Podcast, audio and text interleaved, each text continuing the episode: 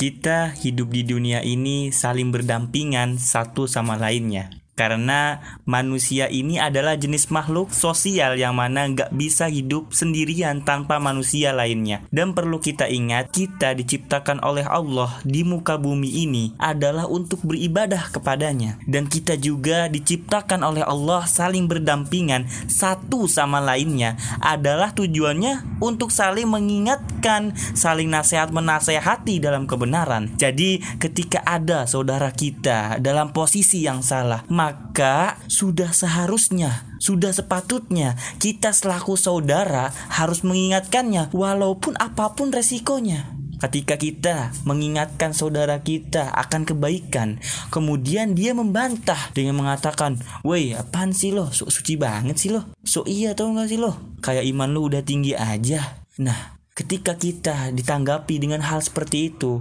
maka kita jangan menyerah apalagi sampai pundungan. Karena ketika kita berpikiran hanya orang yang sempurna aja yang boleh mengingatkan orang lain dalam kebenaran, maka gak akan ada dong orang yang akan saling mengingatkan satu sama lainnya karena di dunia ini nggak ada makhluk yang paling sempurna kecuali Nabi Muhammad SAW. Jadi kalau bukan kita yang melakukannya, lantas siapa?